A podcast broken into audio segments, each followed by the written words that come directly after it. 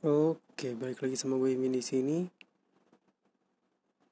Buat kalian dengerin sambil jongkok, sambil berdiri, sambil tiduran, sambil jalan, atau tidur sambil jalan. Wah, sleepwalking. Oke, asal jangan sampai kalian dengerin gue sambil col, lok mata mak lu, dosa fix masuk neraka. Apalagi sambil col, lok mata bapak lu, fix udah masuk neraka, dosa digampar lagi lu. Oke lah, daripada basa-basi lagi, mending kita masuk ke materinya. Buku Diane E. Papalia dengan judul Perkembangan Manusia, jilid 1. Let's go.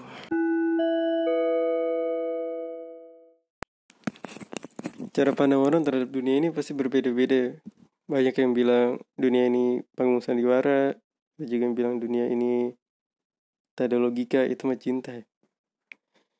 Eh, kalau gue sendiri, gue cenderung memandang dunia ini sebagai tempat kita untuk berkembang. Biak khususnya. eh, jangan mikir yang aneh-aneh dulu, please. Nih, maksud gue, ya kan gak mungkin gitu kita ada di sini juga tanpa perkembang biakan. Ya, selain itu juga menjaga amanat yang diberikan oleh Allah Subhanahu wa taala kepada kita sebagai khalifah di bumi gitu. Yang di mana kita nggak bisa menyerahkan itu kepada makhluk-makhluk lain gitu. Kayak pada kaktus gitu dia bisa apa gitu kan tanpa manusia. Bisa sih hidup mah tapi apakah kaktus bisa membuat SKYE gitu kan sky? Apa kita menyerahkannya kepada undur-undur gitu?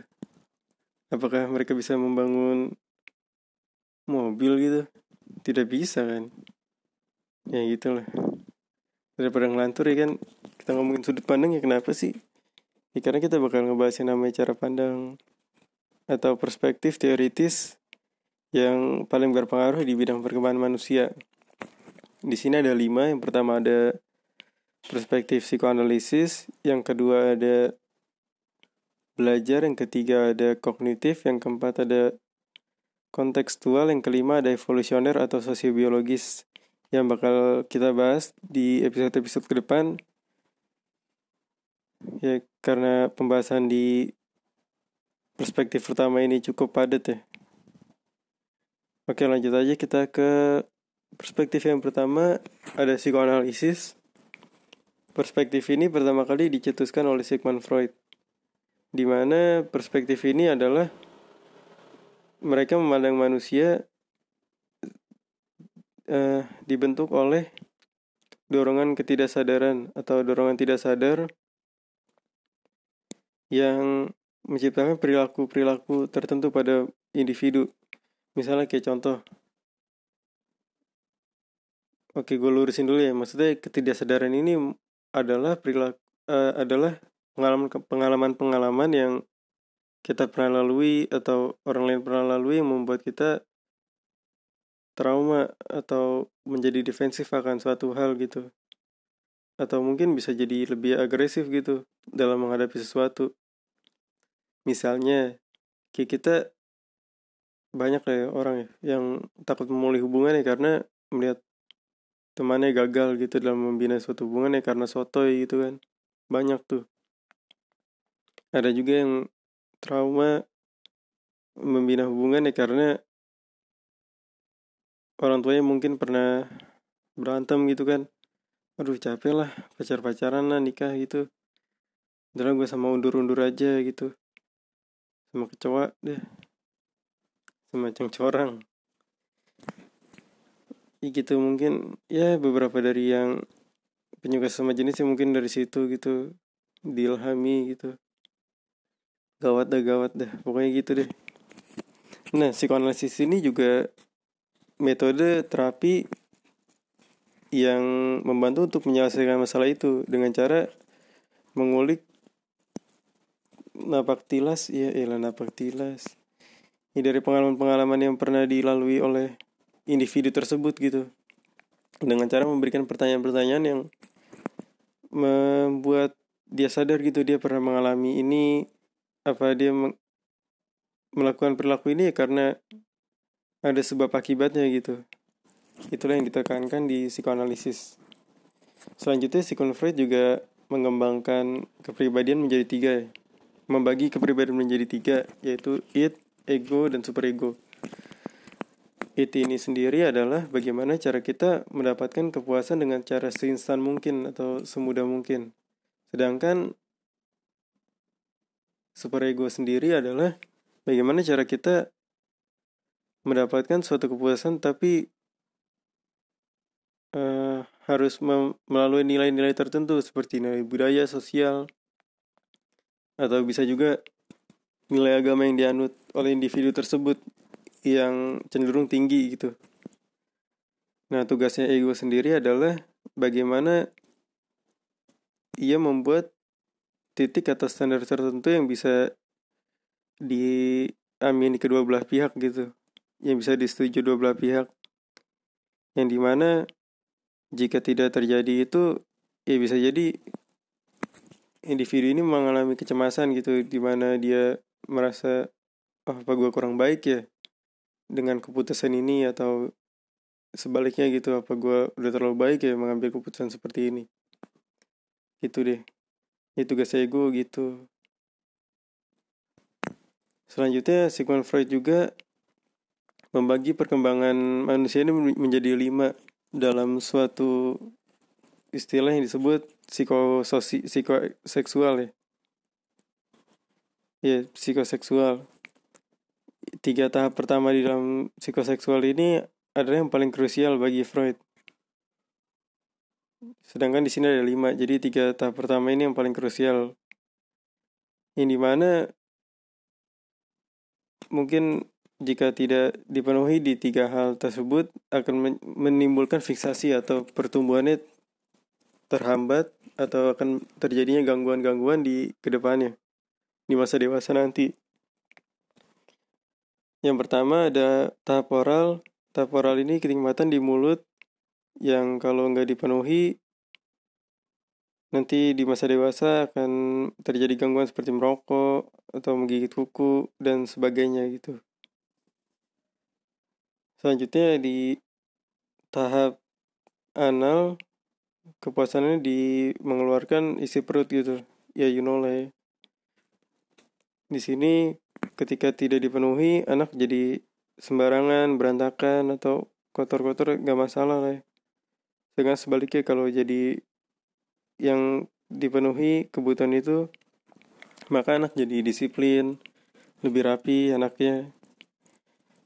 Selanjutnya di tahap falik ada yang namanya Oedipus kompleks sama elektrokompleks ini di mana anak su sudah apa ya, timbul perasaan menyukai orang tua lawan jenisnya gitu misalnya kayak anak perempuan ke laki anak laki ke, ke orang tua perempuan gitu Oedipus kompleks sama Elektra kompleks bisa dicari sendiri di Tokopedia, eh Wikipedia maksudnya. Uh,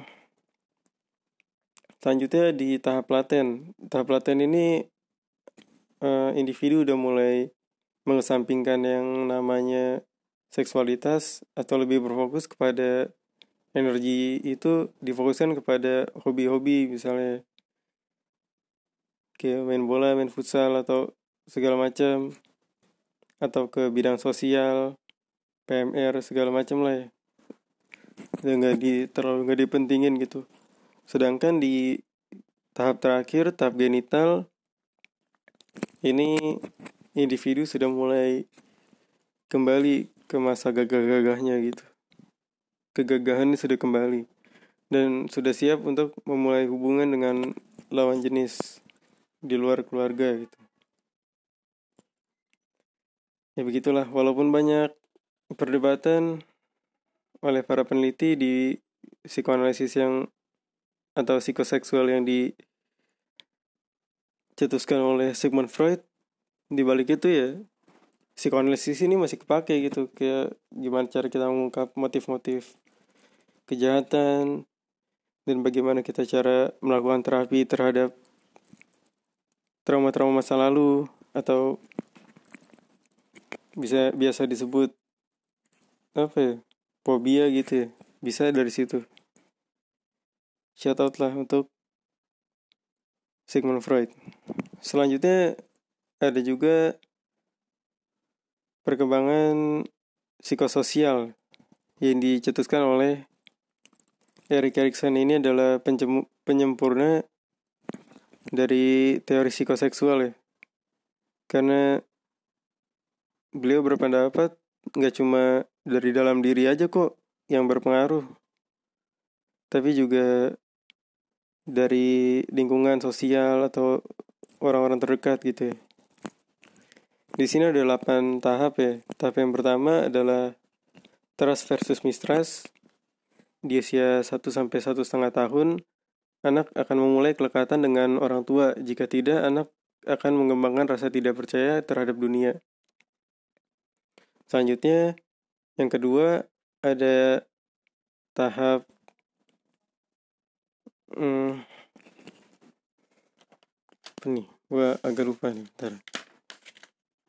Otonomi versus Yamendap Di mana anak sudah mulai kemandiriannya dalam mengeksplorasi dunia gitu.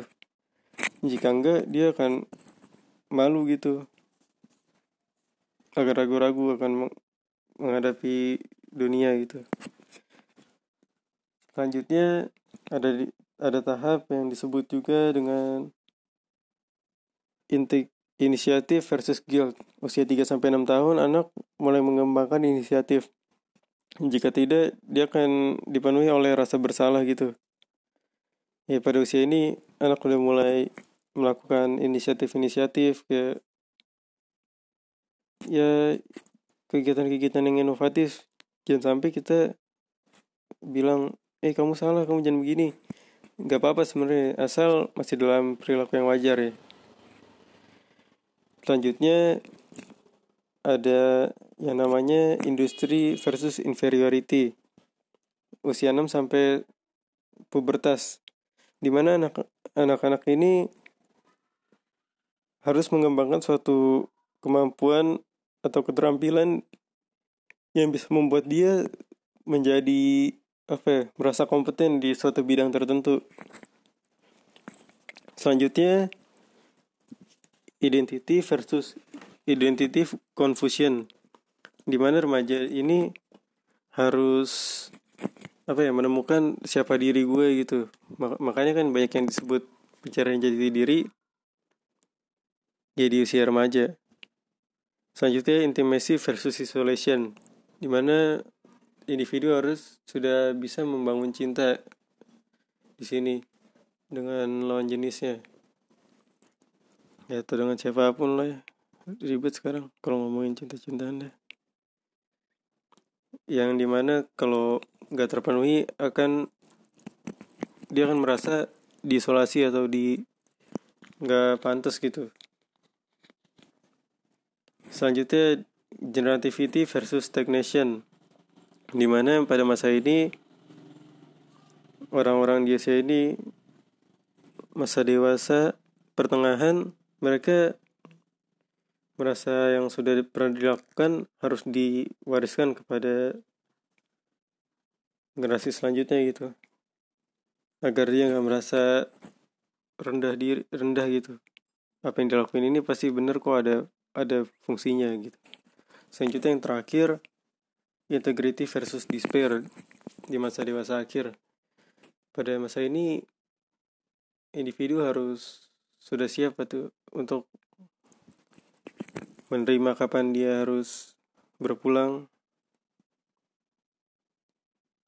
Kalau enggak ya dia bakal merasa ik aduh nggak berharga buat gue makanya di sini ya keluarga sangat penting tuh. Sama, sama sebenarnya sama kayak rentang kehidupan tuh. Kayak di episode satu one point tuh asik. Satu titik dua ya. Itu kurang lebih sama jadi kalau ada kurang atau lebih, gue mohon maaf. Ya, selamat, eh, selamat, eh, selamat. Terima kasih sudah mendengarkan podcast ini. Semoga bermanfaat. Bye.